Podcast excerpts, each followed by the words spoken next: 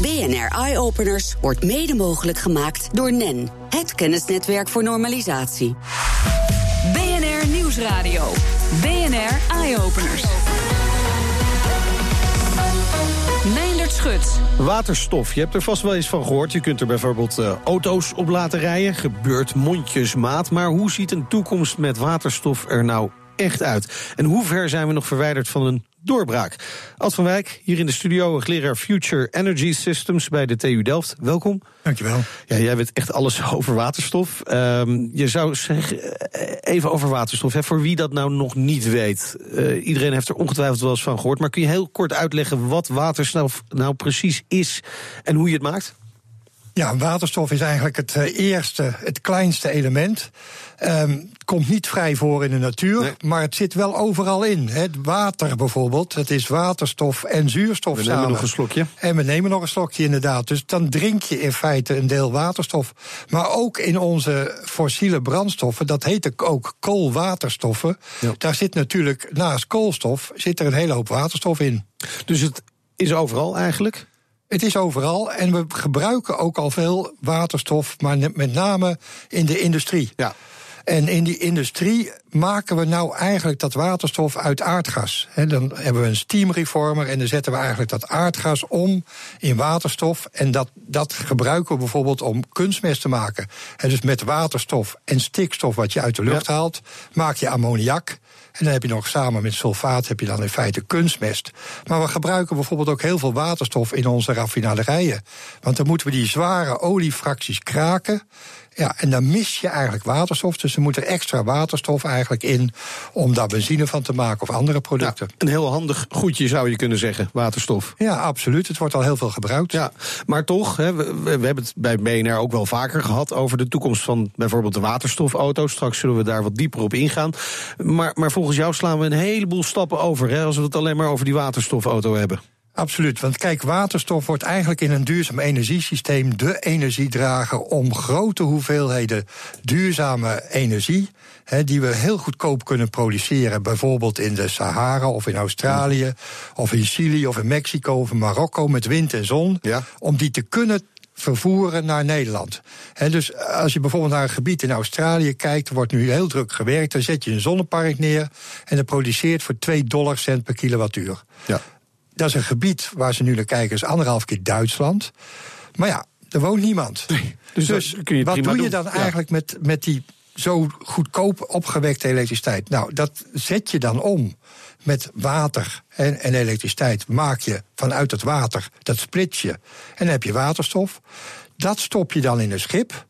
En dat vaar je dan eigenlijk naar de plek Ja. waar je het kunt gebruiken. Net zoals we nu eigenlijk met olie of gas doen. Maar dan met een duurzame bron. Ja, maar, maar iemand als Elon Musk, hè, die zegt altijd: Ik ben daar tegen. Want eh, als je het gaat omzetten, die elektriciteit in waterstof, dan raak je energie kwijt op dat moment. En op het moment dat je weer bijvoorbeeld in een auto, laten we dat voorbeeld dan maar wel even nemen, weer omzet in elektriciteit om die auto voor te bewegen, dan raak je opnieuw en- energie kwijt. Dus het is inefficiënt, zegt hij. Ja, nee, in een, in een duurzaam energiesysteem gaat het uiteindelijk maar om één ding en dat is de kosten.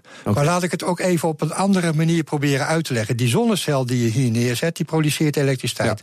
Zeg dat die zonnecel 100 kilowattuur produceert. Maar diezelfde zonnecel in Australië neergezet, die produceert 300 kilowattuur. Ja. En dan, als je dan het sommetje doet, hè, dan, dan gaat er natuurlijk wel. Want je moet het dan omzetten. Hè, dan hou je 150 kilowattuur over. Terwijl als ik die elektriciteit uit die zonnecel hier in die auto in een batterij stop, hou ik 80 kilowattuur Ah, ja. over. Dat is niet, die efficiëntie is dus niet belangrijk, maar het is eigenlijk de kosten van het systeem. Kan ik nou die elektriciteit daar opwekken en het dan ook nog omzetten en vervoeren enzovoort? En wat is dan de prijs? Dus het gaat niet meer om die efficiëntie. Dus als we waterstof optimaal willen benutten, dan zullen we het ook in die regio's moeten gaan maken.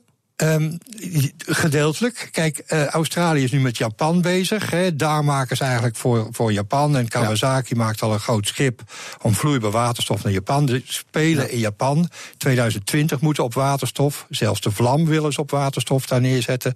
Maar ook bij ons hebben wij hele grote bronnen van duurzame energie. Dat is namelijk de offshore wind.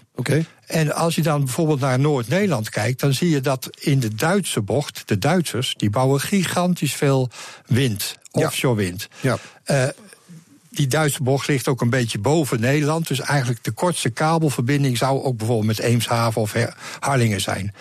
Er is nu ook al een Gemini windpark dat daar aanlandt. Er komen kabels met waterkracht van Noorwegen en zometeen ook uit, uh, uit, uit uh, Denemarken. Dus er landt heel veel aan. Maar dan zie je dat die kabelcapaciteit, het land in, die is te klein. Die zouden we dus eigenlijk uit moeten breiden. Ja. Maar wat je dan eigenlijk ook kunt doen, is het omzetten in waterstof en het in het bestaande aangepaste en geretrofitte uh, aardgasnet, wat we minder gaan gebruiken, want we gaan minder aardgas oppompen daar in Groningen. Eigenlijk puur als waterstof gaan vervoeren. Naar bijvoorbeeld Rotterdam. Maar is dat niet een enorme dure operatie om al die leidingen aan te passen? Uh, dat is veel goedkoper dan nieuwe elektriciteitskabels uh, aanleggen. Hè. Dus als ik daar een, zeg maar een 1000 megawatt kabel van, uh, van de Eemshaven ja. naar Rotterdam opnieuw moet aanleggen, ja. ja. dan hebben we het over honderden miljoenen. Okay. Die pijp aanpassen, dat kost tussen de 20 en 50 miljoen. Want wat is daarvoor nodig? Nou, het hangt er een beetje vanaf wat voor type pijp het is. Maar laten we nou eens een hele oude pijp, een ja. gietijzeren pijp, hè, die zijn er eigenlijk al niet meer. Uh, daar gaat het waterstofatoom doorheen. Dus daar moet je wat aan doen. Dan persen we eigenlijk een HDPE-pijp er doorheen. Eh, simpel, gewoon door de bestaande leiding. Die is gemaakt van? Uh, plastic, is dat? Ja, uh, okay. Polyethyleen, ja. high density polyethyleen, daar staat HDPE voor. En in feite kun je daar gewoon waterstof in okay. transporteren. Okay. En dan moet je ook nog ietsje aanpassen aan de compressoren en aan de appendages. Oké, nou stel dat hebben we dan gedaan. Wat kunnen we, want we horen steeds maar uh, rijden op waterstof. Heel interessant natuurlijk. Maar wat kunnen we er nog meer mee? Nee, de eerste markt eigenlijk als je grootschalig waterstof gaat produceren... is voor het vergroenen van de chemie. He. Want daar wordt nu al veel waterstof gebruikt. En eigenlijk is dat nog een beetje in het hele energieplan, ook van de overheid, is het het vergeten onderwerp, de grondstof. He, ja. Dus het ver, vergroenen van de grondstof van de, van de chemie. Daar wordt nu al veel waterstof in verkocht.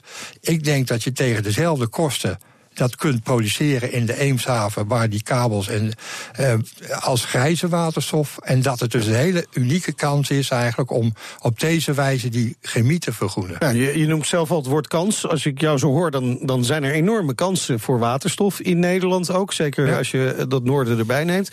Uh, gebeurt er genoeg om die kansen te grijpen? Uh, wel steeds meer, wel maar steeds meer, maar het is wel nog steeds, uh, zoals het ook wel genoemd wordt, een, een blinde vlek die er, uh, die er is in de samenleving. Want ja, er zijn weinig mensen die hey, gebruiken we al zoveel waterstof? Ja, dat doen ja, we. Ja. Maar ook zeker bij de overheden en de nationale overheid, van, uh, maar ook bij de EU wel, van hey, die waterstof, dat is een beetje verborgen iets. Hè, want je ziet Ja. in de statistieken geen waterstof. Je ziet wel aardgas in, kunstmest eruit. Ja. Maar dat er tussendoor waterstof is geweest, dat zie je eigenlijk niet. Nee, nou, dat komt misschien uh, omdat het ver van de bedshow is voor veel mensen natuurlijk. Komt wel Ja. dichterbij als we die, die, die gasleidingen vol met waterstof gaan uh, uh, vullen. En, en het ook bij de mensen thuis brengen.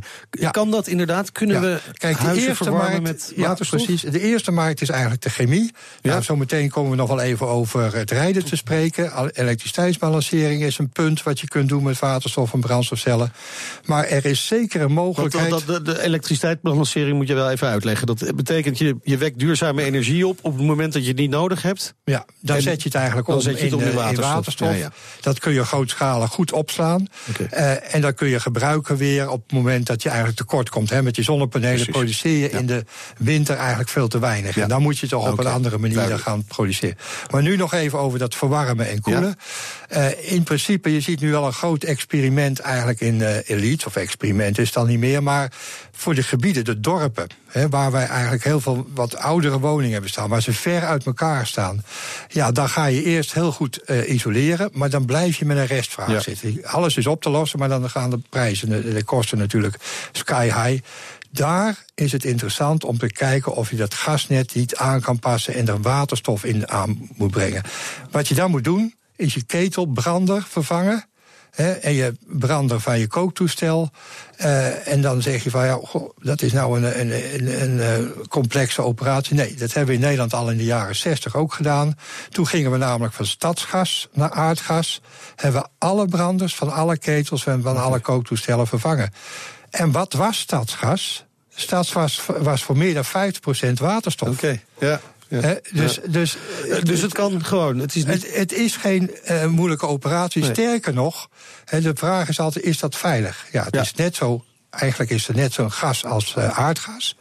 dus het is niet explosief, het is niet uh, giftig, het is wel, wel brandbaar. toch? Het is vluchtiger, dus je moet wel kijken. Maar bijvoorbeeld, wat je niet hebt, waar de meeste doden aanvallen, dus koolmonoxidevergiftiging. Want er zit geen koolstof meer in dat waterstof. Dus misschien wel eitje bakken op waterstof in de toekomst. Wie zal het zeggen? Wie zal het zeggen? Goed. Dankjewel, Ad van Wijk, voor deze duidelijke uitleg. Hoogleraar Future Energy Systems bij de TU Delft. Ja, straks gaan we het over uh, de mogelijkheden voor waterstof hebben en mobiliteit. En de rol die het bedrijfsleven en de overheid daarbij moeten gaan spelen. BNR Nieuwsradio. BNR Eye Openers. Ja, we raakten het net ook al heel even aan, hè, waterstof en mobiliteit. Nou, ik heb hier iemand in de studio die daar alles vanaf weet. Robert Denscher van het H2-platform, het uh, waterstofplatform. Welkom. Dankjewel, meneer. Uh, Robert, welke voordelen, als we het over waterstof hebben als brandstof... Uh, heeft dat boven bijvoorbeeld batterij-elektrisch aangedreven auto's? Nou, waterstof is niet alleen een brandstof, het is een energiedrager. Je ja. kunt, we hadden het net even over in de pauze... Uh, kolen, olie en gas zijn hele goede media om energie in op te slaan. Batterijen zijn veel groter, milieutechnisch ook uh, veel minder gunstig omdat je ze moet afbreken. Uh, dus je kunt met waterstof kun je opslaan in een tank. je kunt het in een auto stoppen. Je kunt het ook op hele grote schaal ondergronds opbergen. En op die manier als er overdag geen zon is of s'avonds, of s'avonds geen zon is en ook ja. s'nachts geen wind, kun je op die manier ook weer elektriciteit terugbrengen. Dus het is echt een modulator je kunt balanceren wat er inkomt en uitkomt. Ja. En elektriciteitsbalanceren is altijd een, een, groot punt. Dus waterstof speelt ook die rol als energiedrager. Ja, een, een, mooie buffer. Ja. Een hele goede buffer. Hele goede buffer. Uh, maar we gaan nu even over, nou, over mobiliteit, hebben. Ja. We zijn vanmorgen ook even samen de weg op geweest. Ja. Uh, want de auto op waterstof die rijdt gewoon ook al op de Nederlandse wegen. Nog niet heel veel, maar nee, af en toe zie je er eentje. Zoals vanmorgen. We zijn even uit de studio gestapt en in een auto. De Toyota Mirai. En dit is een waterstofauto. Een uh, waterstofauto met een brandstofcel. Um, dit is echt een productieauto. Eerder kwam Hyundai ook al met een productieauto, maar die was gebaseerd op de Hyundai iX35. En deze is vanaf de grond af opgebouwd als een waterstofauto. En bovendien is de technologie zo doorontwikkeld dat die ook ja, wat betaalbaarder is geworden. Die Hyundai iX35 die kostte nog 150.000 euro. Deze auto kost hier 70.000 euro. Uh, deze auto kost hier 75.000 euro. Dat is de helft. En in Californië is die prijs al gezakt naar 45.000 dollar. Voor een vierdeurs uh, sedan van deze grootte is dat toch een interessante prijs. En dan wordt het toch wat haalbaarder. Um, als we nou over deze auto hebben, hè, deze Toyota Mirai. Hoe, hoe ver verder in de toekomst is deze auto nu dan wat we eerder hebben gezien? Nou, deze auto, uh, zoals je zei, is een productiemodel. Er, zijn, er worden een paar honderd, een paar duizend per jaar gemaakt. Voornamelijk voor uh, Japan en Amerika. De ontwikkelingen gaan hard. Hyundai praat al over auto's met een uh, extended range van 800 kilometer per tank. Hè. We rijden nu op een tank die uh, 5 kilo waterstof 500 kilometer geeft. Dus je geeft echt een hele behoorlijke actieradius. Je tankt in 5 minuten geeft een hoop gemak. Hè? Als je voorbij een benzinestation rijdt, je kunt in vijf minuten tanken. De toekomst is dat uh, veel meer van deze auto's gaan geproduceerd worden. Behalve Toyota, Hyundai doen nou ook de BMW's, de Fords, uh, de Honda's doet mee, maar ook uh, Mercedes. Hè. Dus ook in Europa krijg je nu dat fabrikanten bezig zijn om deze techniek van een fuelcel te adopteren. Waardoor de concurrentie ook groter wordt en waardoor het ook interessanter wordt voor de Europese markt om met Europese auto's te rijden. Er was een klein stukje autoshow in Eye-Openers. Uh, ik, ik, noemde eerder al, uh, Robert, uh, het H2-platform, ja. het waterstofplatform waar jij bij betrokken bent. Waar zijn jullie precies mee bezig? Nou, het waterstofplatform is een platform van ongeveer 45 bedrijven. Um, en dat zijn bedrijven die allemaal de energietransitie uh, hebben omarmd. Maar gelijktijdig ook kijken van wat kun je met de energietransitie doen. En er zitten de grote chemische bedrijven in. Ad noemde het al, hè, de, de chemie is natuurlijk een grote afnemer ja. van uh, waterstof. Maar ook allerlei uh, kleine bedrijven. Er zitten allerlei zeer innovatieve bedrijven. Nederland heeft een automotive sector rondom uh, Eindhoven. Helmond, die het ook hartstikke goed doet. Er zijn ook bedrijven in het noorden die, die bouwen vuilniswagens op waterstof en dat soort zaken.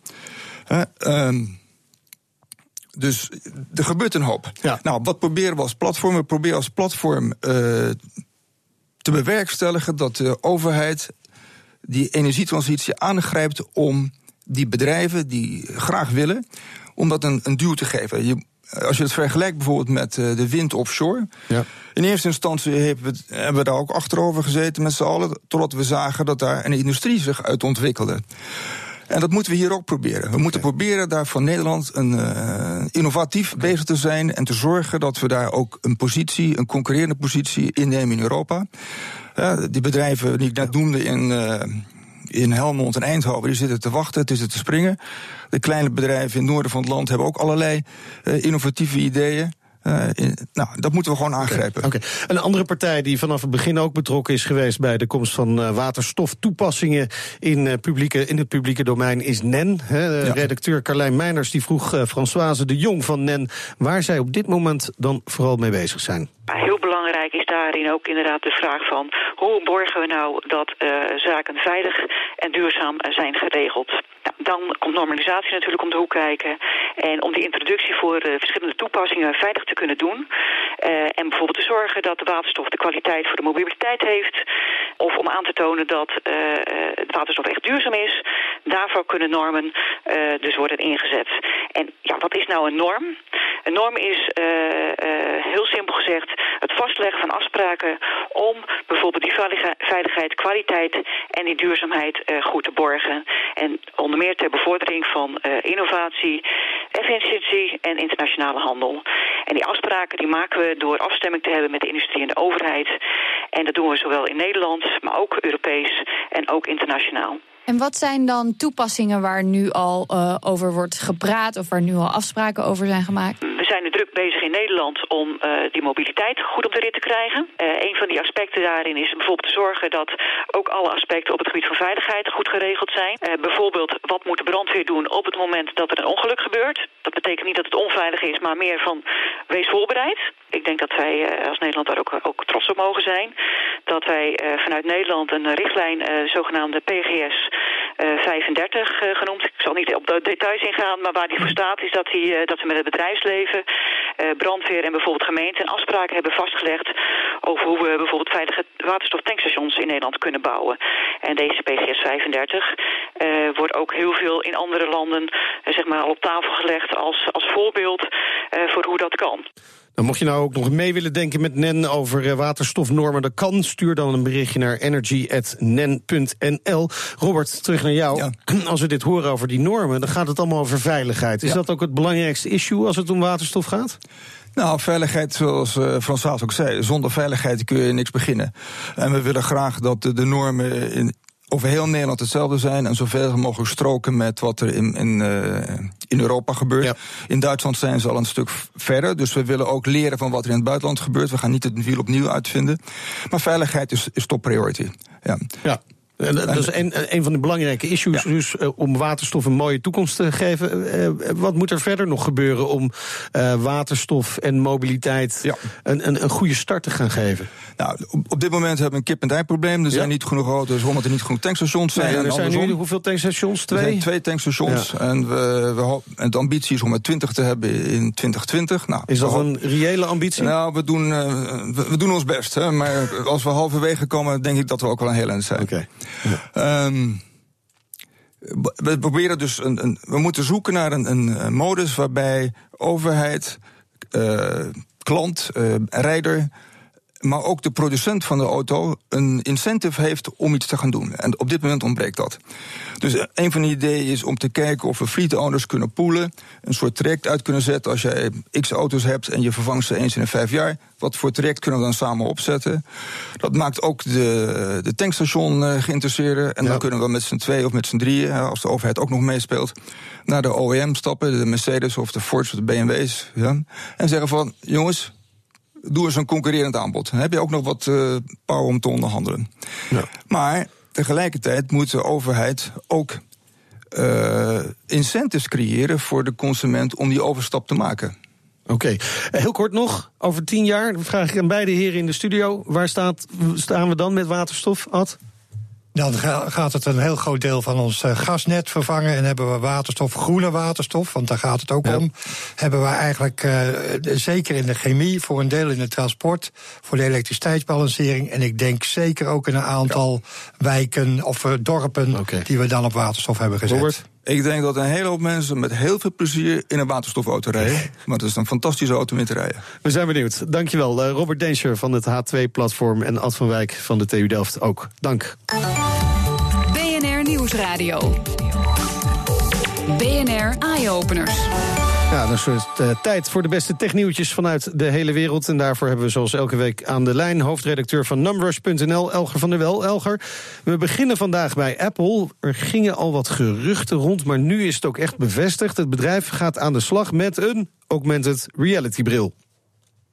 Ja, nou ja, bevestigd is altijd een groot woord bij Apple. Iets is pas bevestigd als het aankondigen. Okay. Maar ze hebben een, uh, een start-up uit Duitsland overgenomen, Senso Motoric Instruments. En die hebben een eye-tracking bril gemaakt. Dus een bril waarmee uh, via sensoren kan gekeken worden waar je heen kijkt. En het bedrijf zegt zelf, dat is perfect voor virtual reality en augmented reality brillen om het in te gaan bouwen. Um, en het, ja, het gerucht gaat al lakker. Apple, Apple is echt aan het investeren in augmented reality, ook in de iPhone vanaf dit najaar. Ja. En uh, die bril ja, lijkt met deze overname een stap dichterbij. Oké, dan uh, kijken we natuurlijk heel vaak naar de natuur voor inspiratie. En bij Amazon hebben ze gedacht, wat bijen kunnen, dat kunnen wij ook. Want ze willen een distributiecentrum uh, voor drones anders gaan inrichten. En daar spelen bijen een rol in. Ja, ze willen natuurlijk met, met, met autonome drones pakketjes gaan bezorgen in steden. Nou, die moeten ergens uh, een pakketje ophalen en, en opgeladen kunnen worden. En nu hebben ze een, ja, een patent aangevraagd voor een soort bijenkorf waar al die drones in kunnen. Uh, waar je eigenlijk op dezelfde manier als bijen naar binnen gaan, dan drones naar binnen kunnen. Ik, ik zie plaatjes voor me van heel veel zoemende drones waar je niet meer in de buurt wil komen. Maar het idee is dat je er ook gewoon nog als mens pakketjes kan ophalen. Oh, ik vind het een beetje een eng idee, maar uh, ja, het is wel een patent. Dus misschien gaat het nooit gebeuren dan moeten we altijd slag om de oude arm houden. Maar het is wel iets waar Amazon dus naar kijkt. Nou, het zou helemaal mooi zijn als die drones ook nog honing gaan maken, Elger. Uh, ja. Dankjewel, tot zover. Meer innovaties met impact vind je op bnr.nl slash eyeopeners. Op Twitter vind je ons via BNR Innovatie. En de hele uitzending kun je natuurlijk terugluisteren als podcast... via iTunes en Spotify. En je hoort ons in de toekomst. BNR Eye Openers wordt mede mogelijk gemaakt door NEN, het kennisnetwerk voor normalisatie.